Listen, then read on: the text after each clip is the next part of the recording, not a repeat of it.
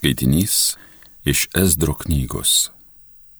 Per vakarinį valgių aukojimą aš Esdras pakilau silvartavęs perplėštais drabužiais, poliu ant kelių ir išskėtęs rankas į viešpatį savo dievą kalbėjau. Dieve, per daug aš gėdžiuosi ir nedrįstu savo veido pakelti į tave, mano dieve, juk mūsų nuodėmės praugo mums galvą ir mūsų kaltybės siekia jau dangų Nuo mūsų protėvių laikų mes po šiai dienai esame didžioje kaltėje. Per mūsų pažaidas mes ir mūsų karaliai bei kunigai buvome atiduoti žemės karalių valdžiai, kalavijui nelaisvai, plėšimui ir niekinimui, kaip tebėra ir šiandieną. Dabar bent tuo tarpu viešpats mūsų Dievas parodė mums gailestingumą, paleido išgelbėtojų likučius ir davė mums atramą savo šventojoje vietoje. Tegul ir vergai mes esame, bet mūsų vergyjoje Dievas neapleido mūsų. Jis nukreipė į mus persų karalių malonę, taip kad išsaugojo mūsų jėgas mūsų Dievo namams atstatyti, jų grįvėsiams pakelti ir gynybos sienoms Jude ir Jeruzalėje išvesti. Tai Dievo žodis.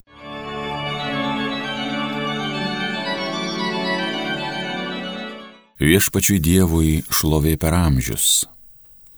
Viešpats nubaudžia, jis ir pasigaili, siunčia į mirtį iš jos ir gražina, niekas negali pasprukti iš jo rankų. Viešpačiui Dievui šlovė per amžius. Skelbkite pagonių tautoms jo didybę, aukštinkit jį prieš visus, kas tik gyvas, jis mūsų viešpats ir Dievas per amžius viešpačiui Dievui šlovė per amžius. Tik pažiūrėkit, ką jis mums padarė. Vienu balsu jam dėkokit su baime, šlovinkit viešpatį, jo teisingumą, girkite, aukštinkit amžių karalių. Viešpačiui Dievui šlovė per amžius. Tremtiniai tautai aš skelbsiu jo šlovę, nuodėmės tautai jo didžią galybę viešpačiui Dievui šlovė per amžius. Jūs atsiverskit, nebenusidėkit, taip imkite elgtis, kaip Dievui patinka. Gal jis suteiks jums savo malonę, gal ir parodys jums gailestingumą. Viešpačiui Dievui šlovė per amžius. Alleluja.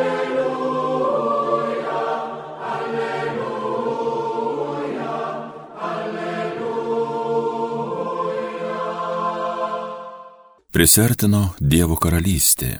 Atsiverskite ir tikėkite Evangeliją. Alleluja, alleluja, alleluja. Iš Ventosios Evangelijos pagal Luką.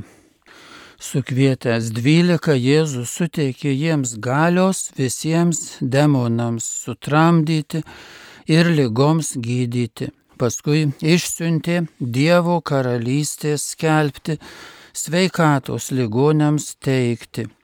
Jis pasakė jiems, nieko neimkite kelioniai, nei lasdos, nei krepšio, nei duonos, nei pinigų. Neturėkite nei dviejų palaidinių.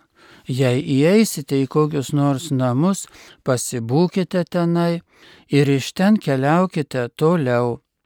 O kur tik žmonės jūsų nepriimtų, išeidami iš to miesto nusikratykite nuo kojų dulkes, kaip liūdėjimą prieš juos.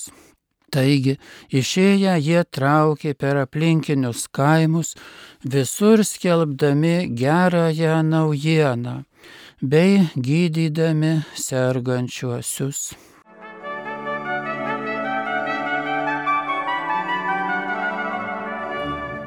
Turbūt paradoksaliai atrodo, kad žmonės nepriėmė apaštalų ir Jėzus tą pramatė, sakydamas, kur tik žmonės jūsų nepriimtų. Nors apaštalai skelbė gerąją naujieną, gydė sergančiuosius, išvarinėjo demonus, taigi jie iš tikrųjų darė gerą, bet žmonės, nu, kai kur jų nepriėmė. Ir apaštalai turėjo nusikratyti nuo kojų dulkės kaip ženklą prieš juos. Tai paradoksalu. Ateiti su gėriu, iš tikrųjų su nauja kokybė, jeigu šiandieniškai pasakytume apie apaštalų misiją. Jie atėjo į žydų bendruomenę su nauja Dievo pažinimo kokybė su nauju dvasiniu gyvenimu, su pagilintu santykiu Dievo ir žmogaus, su tokiomis iš tikrųjų gerybėmis. Bet kai kuriems žmonėms tas visiškai nepatiko. Jie jų net nepriėmė. Tai turbūt sakė, eikit iš čia. Ką jūs čia dabar? Kalbate kažkokias nesąmonės. Ką jie sakė, nežinome.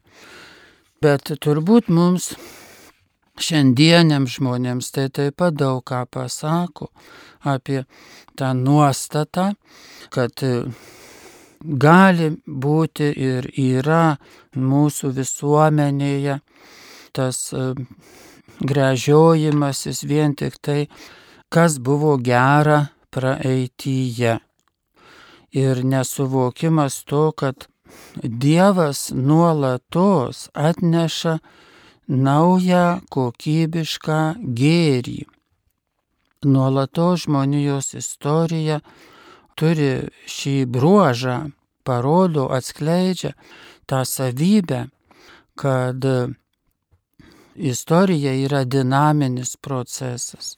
Ir pirmasis skaitinys taip pat pailustruoja, sakytume, šitą Evangeliją, kur e, kalba apie Ezro maldą. Ezras meldžiasi, Ezras didysis judaizmo kunigas ir rašto žinovas, didysis e, reformatorius, su kurio vardu judaizmas sieja ypatingą pokytį, naują kokybę, kuri atsirado judaizme su vadinamąją antrąją šventykla, antrosios šventyklos judaizmu.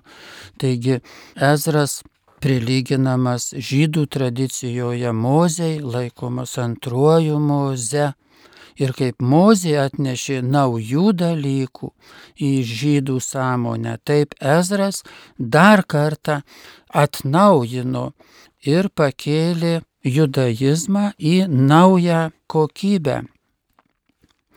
Bet kokiu būdu tai jis galėjo padaryti, mes matome, kad jis kalba apie trūkumus savo maldoje. Jis išvelgia trūkumus, kurių matyti kiti autoritetai, galbūt to meto žydų tautos karaliai ir kunigai nematė, jie galvojo, čia viskas tvarkoj, viskas gerai, bet Ezras matė, kad tai ne tik menki trūkumai, bet dideli trūkumai. Ir ką tai lėmė?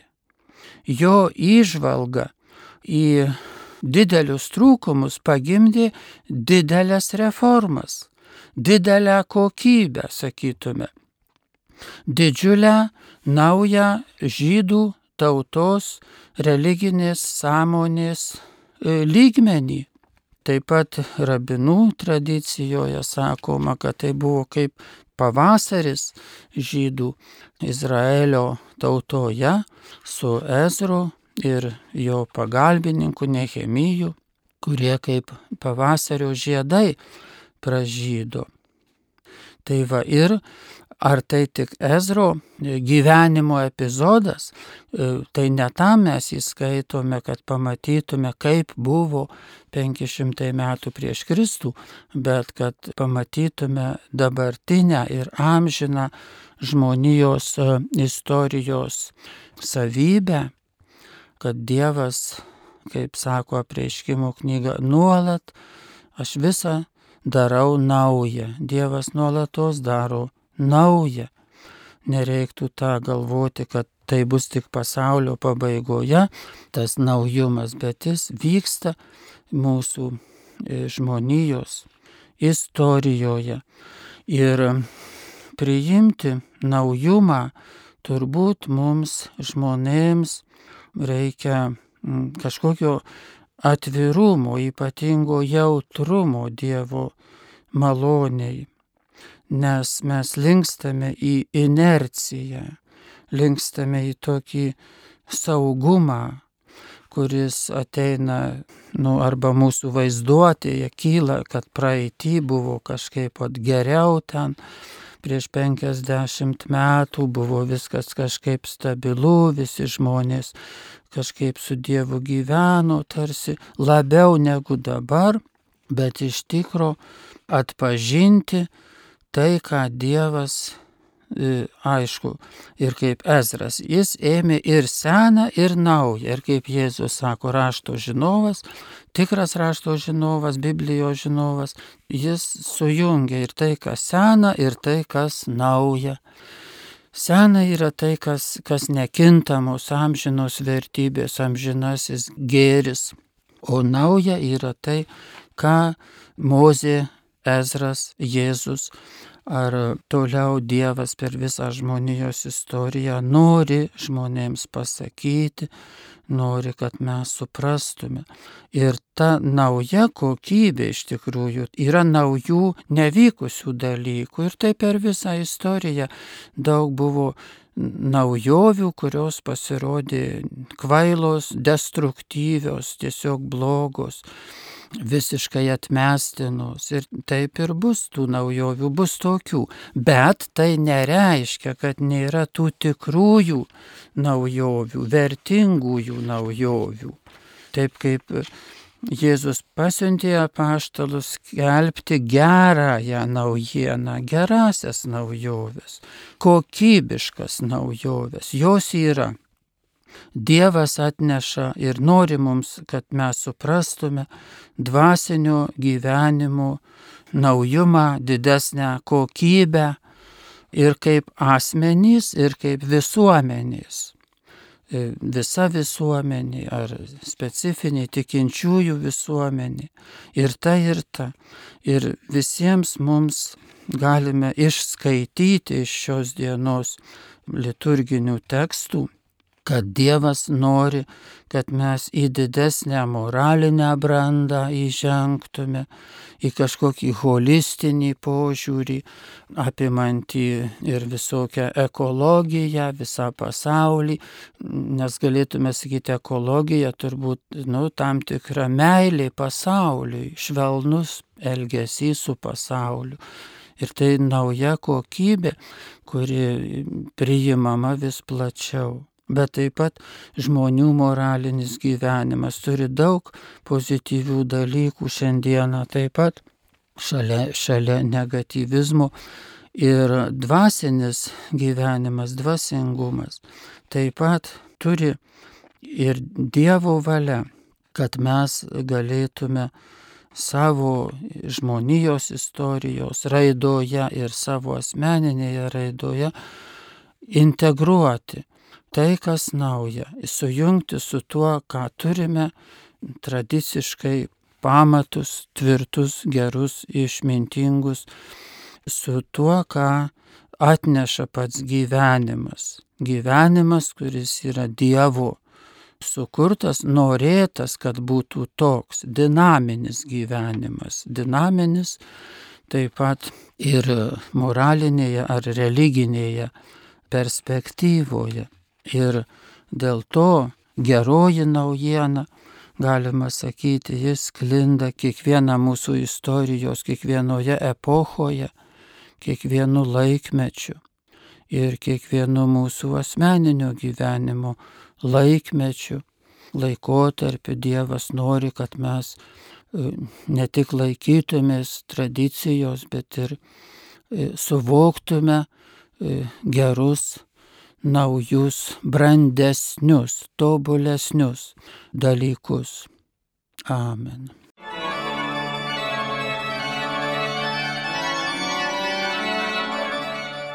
Homilija sakė profesorius, habilituotas teologijos mokslų daktaras, kunigas Romualdas Dulskis.